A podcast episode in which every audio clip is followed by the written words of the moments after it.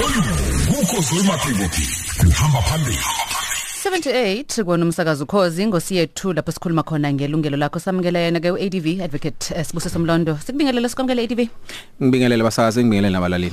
ADV eh sizwile kubikwa eindabeni ngabesifazane abawu48 abavula icala bethi cha babonile ukuthi ilungelo labo eh lokho kuthiwa ngokomthetho sekele sexual and reproductive rights eh ahlukunyeziwe ngoba ezibhedlela ezithile kwaZulu Natal nase Gauteng bavalwa inzalo eh ngaphandle kwemvume yabo. Kwase kuvela ke nokuthi babantu besifazane be HIV positive. Baya kwi Women's Legal Center bayovula ke icala. Manje i Commission for Gender Equality ithe iphathi mandla impela ake zihambe ziyolphenya lolu daba zithola ukuthi kwenzakalani. Bezibheke futhi nokuyiphatha kodokotela no nurse aselibheka ilungelo labantu lokuba nabantwana lokuthiwa sexual and reproductive rights. Em ngibonge umsakazi lelo kuyilungelo elibaleke kakhulu em elishicilelwe kumthetho sisekelo njengawo wonke amalungelo akumthetho sisekelo ke kufanele ukuthi umuntu alimele ilungelo lakhe oliphulayo ilungelo lelo lungelo lelo eh une unelungelo lokuthi aclaim amademeshe kulo osuke elimazile lelo lungelo lakhe. Uma kukuthi eh, ADV ngihambile ngesibhedlela ngiyoteta bese ngiyasayina ngithi nanoma ikuphi uyasayina ama forms eh kube ukuthi ke uyavuma ukuthi uma kuba khona isimo esiqhamukayo ngesikhathi wena ulapha kwi operating table uyamgunyaza udokotela athathe isinyathelo ekufanele abona sifanele nesizohlenga impilo yakhe noyomntwana ngaleso sikhathi. Usengabuya uthi hayi cha ilungelo lami lalimala la noma ikhona ikhona ibanga osulihambile ekuthenini ilungelo lakho ulinikezele kuyena? Em lokho okushoyo i consent kubizwa nge consent eh ukuthi uma kuukuthi kuvela isimo esiphoqelelayo udokotela ukuthi a enze isinqumo ngawe eh kuyaqualifywa. Em ngeke udokotela ngithi ngingene etafleni ngenza isibonelo ngene etafleni em mhlambe ngizo operator eh esiswini bese enginquma ingalo bese ethi eh lelo lungelo ube nelungelo ngenxa ukuthi ngisayinile. Eh kushuthi kune context fanele udokotela akwazi ukubalansa ngizokwenza isibonelo uma ukuthi uyabeletha udokotela uyabona ukuthi ngaphakathi kunento mhlawumbe ezothi mayiqeda ukukuvala eseqeda uvala eswini la kade umthungo la wadubeletha ngabona ukuthi hayi lento le izomlimaza ngcono ngiyikhiphe. Lokho kuyafitha kuleyo consent but ukuthi avale inzalo eh kulimaza lawo ma sexual and reproductive rights okuyiwona ashicilelwe kumthetho sisekelo kungaphandle.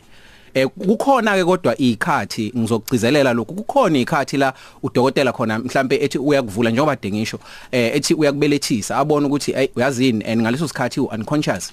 Eh akekho umunye umuntu ozokusayinela i consent and nawe usayinile. Abone ukuthi no eh uzohlengeka lana. Lokho ke kuyaqualifywa. Umusa ukuhlela ukuthi angazi usukungabonile ama medical records kodwa uma ubuka lokho kubizwa ama medical records ayasho ukuthi iloko kubonakele iloko kubonakele and okunye udokotela akabi yedwa kwi kwi theater uma operator usuke kanye nabanye abazomfakazela ukuthi ingakho ngempela yini bekunje.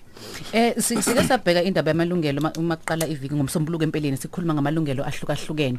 Kwavela indaba yeabortion abanye bebuza ukuthi imakhulwa ngelungelo lempilo nelungelo lokuthi umuntu enze iabortion akuhambi kuhambe kuphikisane yini ukuthi nakho ukuthi abantu banelungelo lokuthi uma ngezathu zakhe asuke ezibona naye kube ukuthi athi cha isisuke yena uzokhetha ukuthi makasikhiphe. Bese kuthiwa lokho kuyaphikisana ne right to life. Em lokho into esingayikhuluma ngelinye ilanga ngoba i topic ngokwayo. Kodwa eh kune argument umthetho esikhathini eside nje sedlule ukudlula u mhlambe even 10 years. Em la inqumo zaphuma khona ezenkantolo zakuqualifya ukuthi ingane uma isengaphakathi ingakaphumi eh kunezinyanga ezithile eh angisakhumbuli noma u6 u3 to 6 weeks yini kubalance lawo ma rights ukuthi i iabortion akufanele ilimaze umama ngaphakathi but also ingane uma isengaphakathi isuke isiwumuntu yini.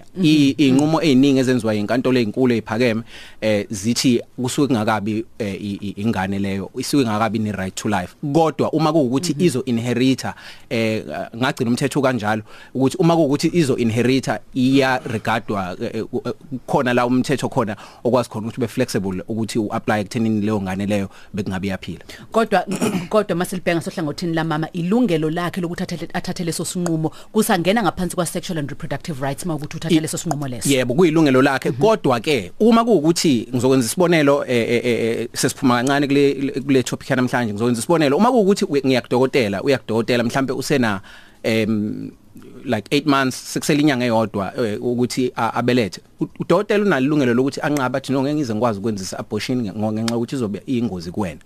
Eh udokotela uzobe engagxobi i right eh lika mama lama sexual and reproductive rights. In fact uzobe eh eh eh eh eh, exercise ama ethics and also eh, where ebeka ngaphezulu impilo kamama kunempilo yengane engaphakathi engakaziwa noma izophuma iphile noma cha.